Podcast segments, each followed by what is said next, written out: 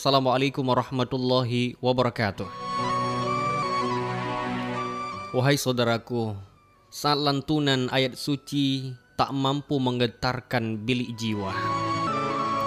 Kala gema asmanya tak pula meneduh tentramkan sukma.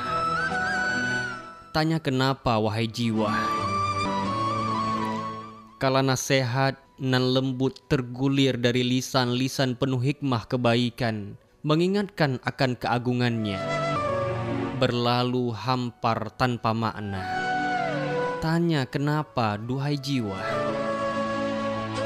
Saat sujud semakin singkat terganti lelap panjang dan hati tak rasa rindu mengiba di hamparan sajadah. Tanya kenapa duhai jiwa?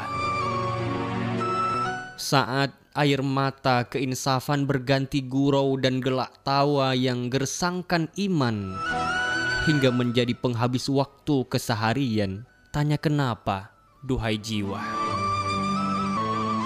Saat hati tak lagi mudah ternyuh haru, memandang begitu banyak di selasar kehidupan. Jiwa yang lulai membutuhkan hangat uluran tangan dan mudah saja berlalu tanpa hirau. Tanya kenapa, duhai jiwa?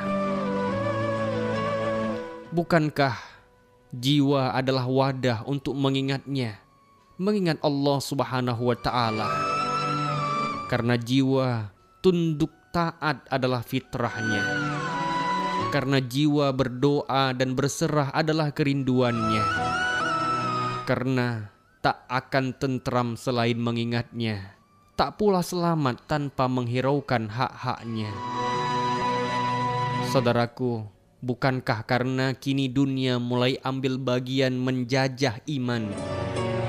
Bukankah karena dunia perlahan terletak di hati, tak lagi tergenggam di tangan?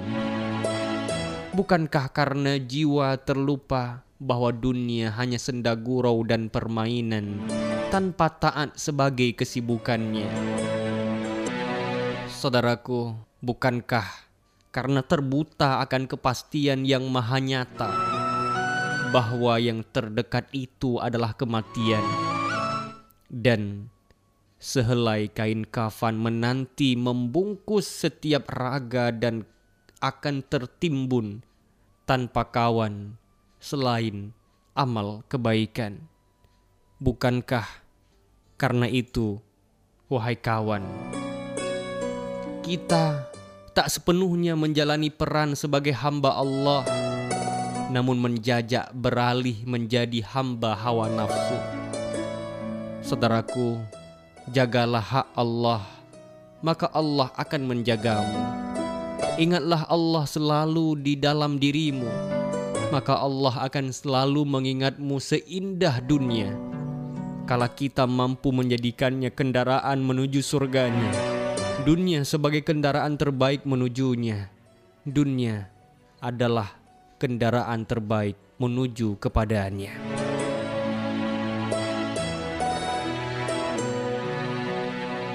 Luar biasa dari Sain Al-Kasam ya.